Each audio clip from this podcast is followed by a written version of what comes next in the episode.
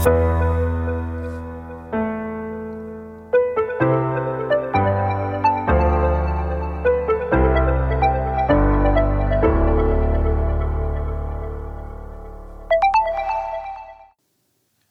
bij deze podcast. Mijn naam is Roderick Timmermans en ik help vaders met persoonlijke groei in een rol als vader.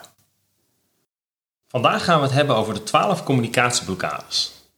Om maar meteen met de deur in huis te vallen, uit onderzoek van Thomas Gordon blijkt dat 90% van alle antwoorden van ouders in deze categorieën vallen. En ik zeg communicatieblokkades en daarmee bedoel ik is dat het geen helpende reacties zijn. Dat betekent dat de communicatie stopt en dat er minder verbinding is. Daar wil ik jullie graag in meenemen vandaag. Ik ken twee vaders, die allebei op een eigen manier hun rol als vader invullen. En ik wil je daar graag in meenemen. De ene vader is een directeur van een bedrijf. Hij werkt hard, haalt zijn voldoening uit zijn werk en heeft er ook zijn prioriteit liggen. Hij vindt zijn drie kinderen ook van belang, alleen in de praktijk komt het er wel op neer dat er sprake is van een traditioneel model. Dat betekent dat zijn vrouw met name voor de kinderen zorgt. Op het moment dat hij thuis is, doet hij ook graag leuke dingen met zijn kinderen. En is hij ook enthousiast. En, dus, en zeker als zijn kinderen iets doen wat hij ook leuk vindt, dan is hij aanwezig en sterk betrokken. En zo zit zijn zoon op voetbal, wat hij ook leuk vindt. En daar is hij dan ook coach geworden van zijn team. En hij geeft daarbij ook regelmatig adviezen aan zijn zoon hoe hij beter kan voetballen. Nou, door drukke werken is hij wel vaak zagrijnig en kan zijn humeur plotseling omslaan als het niet gaat zoals hij wil. De kinderen kunnen ook niks goed doen en hij wordt vaak boos. Hij vindt dat zijn kinderen meer zelfstandig moeten zijn. En hij spreekt zijn kinderen hier dan ook regelmatig op aan. En als ze dan niet luisteren in zijn optiek, dan waarschuwt hij zijn kinderen dat ze, als ze niet luisteren, dat wat dan de consequenties zijn van later als ze oud zijn. Als zijn kinderen verdrietig zijn, zegt hij dat ze zich niet moeten aanstellen. Of maakt hij er grapjes over, gaat hij plagen. Of hij laat het mama overnemen. Dat is het verhaal van de eerste vader. De andere vader werkt ook, alleen hij heeft de keuze gemaakt om er meer voor zijn kinderen te zijn. In de vorm van een pappendag.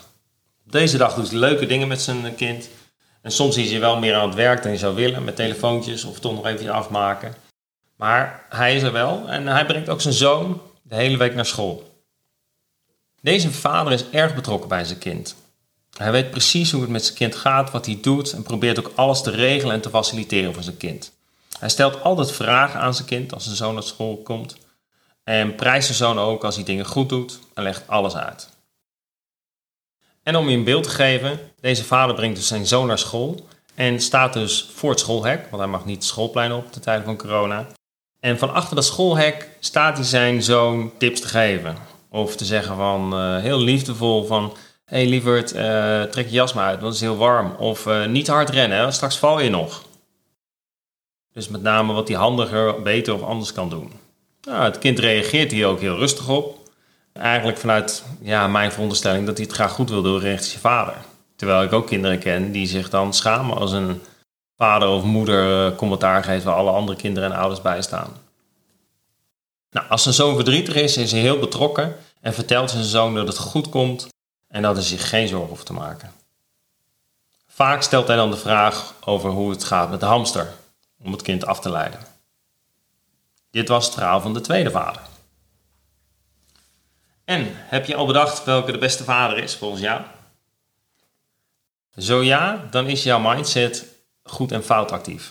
Dat betekent dat jij gelooft dat er een goede en een foute weg is. Terwijl in mijn beleving is het leven niet zwart-wit en zijn er vele tinten grijs. Er is niet maar één perfecte manier. Of wellicht herken je jezelf in een van deze twee vaders onderdelen daarvan. Nou, wat voor mij interessant is om te kijken, en waar ik jullie ook graag in mee wil nemen, is van hoe staat het nou met verbinding? dus, want beide ouders, beide vaders, zetten communicatieblokkades in. En een communicatieblokkade is dus weer die stop, wat ervoor zorgt dat de communicatie stopt. Soms niet letterlijk. dus het moment dat ik mijn zoon aanspreek en ik vraag hem iets te doen en hij zegt ja, ja pap, ik ga het doen. En eigenlijk luisterde hij al niet meer. Uh, want ik, in zijn beleving ben ik hem bijvoorbeeld iets aan het, uh, of de les aan het leren. Waar hij niet op zit te wachten. Of ik ben hem advies aan het geven. Terwijl hij het graag zelf wil doen. En dan stopt de communicatie. De eerste vader zet een aantal blokkades in. Dus ik weet niet welke je al hebt teruggehoord, maar hij, uh, hij zet oordelen in, de les lezen, waarschuwen, belachelijk maken, commanderen, adviseren en hij trekt zichzelf terug bij emoties. Het resultaat van deze vader is dat hij heel hard zijn best doet, alleen de verbinding met zijn kinderen niet zo sterk is. Dat is ook hoe hij bij mij kwam. Nou, door hier bewust van te worden heeft hij inmiddels een grote stap gezet. En dat betekent bijvoorbeeld dat zijn zoon steeds vaker naar hem durft toe te gaan en te zeggen dat hij iets spannend vindt of dat hij ergens bang voor is. Dat is eigenlijk een heel mooi signaal dat hij meer open is en dat hij dus op een andere, andere manier luistert naar zijn zoon. Hij heeft daar een mooie stap in gemaakt. En ik licht er één blokkade uit om je er meer gevoel bij te geven. En de eerste categorie van de twaalf communicatieblokkades die er zijn, is waarschuwen, vermanen en dreigen. Dat is een valkuil waar veel ouders in stappen. Dus als je nu doorgaat op je iPad, trek de wifi eruit. Of als je nu niet ophoudt, stuur ik je naar je kamer. Of pap wordt boos als je steeds in de weg loopt. dit zijn allemaal manieren van waarschuwen, vermanen en dreigen. En hierbij vertellen ouders wat hun kinderen moeten doen, zouden moeten doen of behoren te doen. En zo hoort het. Het heeft vaak te maken met een conditionering die ze ook zelf hebben gehad. Het is vaak niet effectief en dat heeft de volgende effect op je kind. Dus het kind gaat zich verzetten of zich heftig verdedigen. Uh, het kind krijgt een schuldgevoel. Of het kind gaat denken dat zijn ouder geen rekening houdt met zijn behoeften. Effect op het kind. Ja, kijken naar de tweede vader. De tweede vader zet de volgende blokkades in. Hij uh, prijst zijn kind, hij stelt zijn kind gerust, hij ondervraagt zijn kind en hij leidt zijn kind af. Ook hier licht ik er weer één uit. Dus bijvoorbeeld je kind proberen af te leiden van een probleem. Of dat je zelf het probleem uit de weg gaat. Kijk, in sommige gevallen kan dat, bijvoorbeeld in het kader van een prik, dat je kind kort even afleidt, en zodat hij niet focust alleen maar op die prik, wat hij spannend vindt. Maar op het moment dat je dingen uit de weg gaat, hè, terwijl dat kind daar een emotie of een behoefte bij heeft, dan is het niet handig. Aantal voorbeelden weer. Hey, laten we daar aan tafel maar niet over praten. Of kom, laten we het over iets leuks hebben. Of hey, hoe gaat het eigenlijk met basketbal? Dan switch je gewoon van onderwerp. De tweede vader was in eerste instantie heel blij met de verbinding die hij met zijn zoon ervaarde. Totdat hij bewuster werd en eigenlijk zag dat er niet altijd echt verbinding was. Dingen liepen wel heel soepel, want zijn kind deed wat hij graag wilde. Alleen er was niet altijd verbinding. Nou, hij heeft zijn zoon veel meer ruimte gegeven. En door hem minder te faciliteren en ook minder bovenop hem te zitten. Zodat hij eigenlijk meer zichzelf kan zijn. En hierdoor is de verbinding toegenomen. Nou, hoe werkt dat nou? nou? Als ouders zijn we heel vaak betrokken bij onze kinderen vanuit een hele goede intentie. En willen we ook graag problemen van het kind zo snel mogelijk oplossen. En hierdoor nemen we vaak onvoldoende tijd om echt goed te luisteren. Bijvoorbeeld ook in conflict situaties. En geven goed bedoelde, niet helpende reacties. Zoals de 12 communicatieblokkades. Wat je wellicht al hebt gehoord, is dat je in beide situaties valt er winst te behalen in hoe er wordt omgegaan met emoties. En dat noem ik wel het creëren van een gezond emotioneel klimaat. Dus in, in, Nederland hebben de meeste kinderen niet te klagen over een dak boven hun hoofd en het eten. Dus dat betekent dat ze zijn voorzien in hun basisbehoeftes. Alleen dat, er nog wel eens, dat het nog wel eens een uitdaging is om een gezond emotioneel klimaat te creëren. En dat is ook heel vaak waar ouders nog in te winnen hebben. Als ik kijk zeg maar, naar alle twaalf communicatieblokkades, dan is het belangrijk om te zien dat het dus een afbrekend effect heeft op de relatie met je kind. En dit geven kinderen ook terug, blijkt uit onderzoek. Want wat kinderen dan bijvoorbeeld zeggen is van... hé, hey, ik, ik kan er niet meer praten, dus ik hou mijn mond maar. Het kind trekt zich terug. Of ik raak er echt zo gefrustreerd van. Sommige kinderen krijgen er schuldgevoelens van. En andere kinderen zeggen weer bijvoorbeeld... ja, ik heb het gevoel dat mijn kinderen me niet vertrouwen. Hè, dat ik niet zelf mijn eigen problemen kan oplossen. Of ik krijg het idee dat ze niet geïnteresseerd zijn in me. Niet echt geïnteresseerd. Allemaal effecten die het op je kind kan hebben als je op deze manier communiceert. Je kan een communicatieblokkade ook herkennen doordat je gedrag inzet om te voorkomen dat je geraakt wordt op ongewenste emoties. Dus dat betekent bijvoorbeeld dat je boos wordt op je kind terwijl je eigenlijk onmacht ervaart omdat je kind niet naar je luistert. Of je wil alles fixen voor je kind omdat je eigenlijk bang bent dat je kind dan niet succesvol is, of niet geliefd is, of gepest wordt. Uh, en dat wil je voorkomen. Alleen belangrijk daarbij is om te zien wiens probleem is het. En in hoeverre mag het kind het zelf dingen gaan ervaren en leren. Is weer een andere podcast. Hey, wellicht is er nu wat verwarring bij je. En vraag jezelf, ja, maar hoe werkt het nou precies? Of wat zijn nou al die blokkades? En dat is alleen maar goed teken, want leren begint met verwarring. En om je gerust te stellen, ik ga je hierbij helpen. Ik ga je er stapsgewijs doorheen halen. En de eerste stap wat je kan doen, is het herkennen van je communicatieblokkades. wellicht herken je ze al, maar ik wil je uitnodigen om ze echt gaan herkennen. Door elke dag te gaan kijken welke je hebt ingezet. Hierdoor ontstaat echte herkenning, maar ook bewustwording. vaak weten ouders met hun hoofd wel uh, wat ze doen, dan weet je het nog niet echt. Daar gaat het over. Er is nog geen emotionele verbinding. dus focus hierbij op twee gedragingen die je inzet.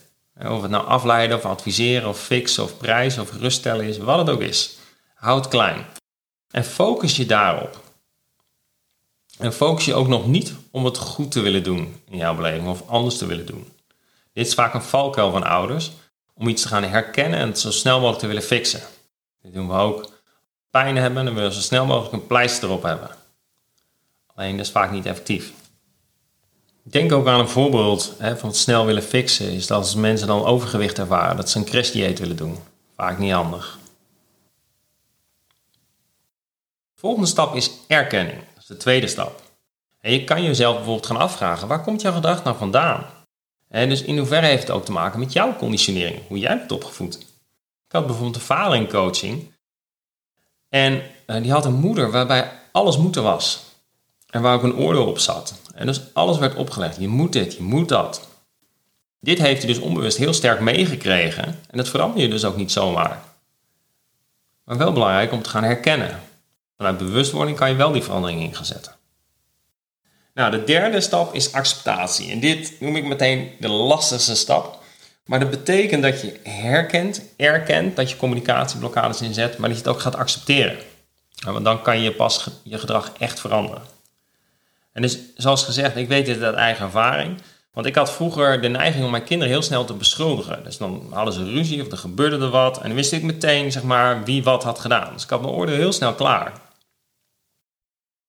Toen ik me daar bewust van werd, en vooral het effect op mijn kinderen, dat ze zich bijvoorbeeld minder gingen uitspreken, gefrustreerd werden. Op een gegeven moment kwam er dus een oordeel op mezelf. Dat ze soms er ook onzeker van werden. Uh, kwam er dus een oordeel op mezelf. En ik vond het echt heel lastig te accepteren dat ik dit gedrag inzette met dit effect op mijn kinderen. Nu kan ik zeg maar zien dat ik dat vanuit de beste intentie deed. Ik wilde mijn kinderen helpen. Ik wilde ze behoeden. En met het bewustzijn van toen heb ik dat gedaan. Ik heb het vanuit een goede intentie gedaan, alleen was de uitvoering niet zo handig. Want nu helpt me dit dus ook om het beter te doen. En ben ik ook trots op mezelf dat ik die stap heb kunnen zetten. En dat ik dat nu anders doe. Op bepaalde momenten doe ik het nog steeds. Alleen voor het grootste gedeelte doe ik het wezenlijk anders. Hey, we zijn weer aan het einde gekomen van deze podcast. En als je hiervoor open staat, kan je weer een opdracht doen. En eigenlijk heb ik hem al verteld. En dat zijn de drie stappen. Dus stap 1 is, ga twee blokkades van jezelf herkennen. Schrijf ze dagelijks op of wanneer je en hoeveel vaak je ze hebt ingezet. En doe dit voor twee weken. Stap 2. Onderzoek voor jezelf waar dit gedrag vandaan komt. En waar is jouw gedrag nou ontstaan? Wat maakt dat je zo reageert richting je kinderen? En de laatste stap, acceptatie. Wees eerlijk tegen jezelf en wees je bewust van je intentie. En dan komt vaak min, dat je wat minder streng naar jezelf gaat kijken of wat zachter wordt voor jezelf. Nou, op het moment dat je dat doet, en zeker en dat is echt een hele mooie. Als je erom kan lachen, dus als er humor bij kan komen, dan weet je dat je klaar bent voor verandering van je eigen gedrag. Op dat moment kan je het anders gaan doen. Nou, op het moment dat je deze stap hebt doorlopen, deze drie stappen, ga je merken dat er al een verandering is. Dat die al heeft plaatsgevonden. In jouw gedrag en ook in de wisselwerking met je kinderen. En daarmee kan je ervaren dat deze aanpak dus is gericht op bewustwording en niet op een quick fix. Want heel vaak focussen we ons op de oplossing, maar dan gaat het hier dus niet om. Ik wens je veel succes met het uitvoeren van deze opdracht. En mocht je nog vragen hebben, laat het vooral weten. Wil jij alle 12 communicatieblokkades leren kennen en ook de inhoud nog even nalezen, dan kan dat. En dus op mijn website, onderaan deze podcast, kan je het document downloaden met de 12 communicatieblokkades. Waarin ook voorbeelden zijn opgenomen en met name ook weer het effect van de blokkade op je kind is terug te lezen. En je kan het daar downloaden. Nou, ik wens je een hele fijne dag.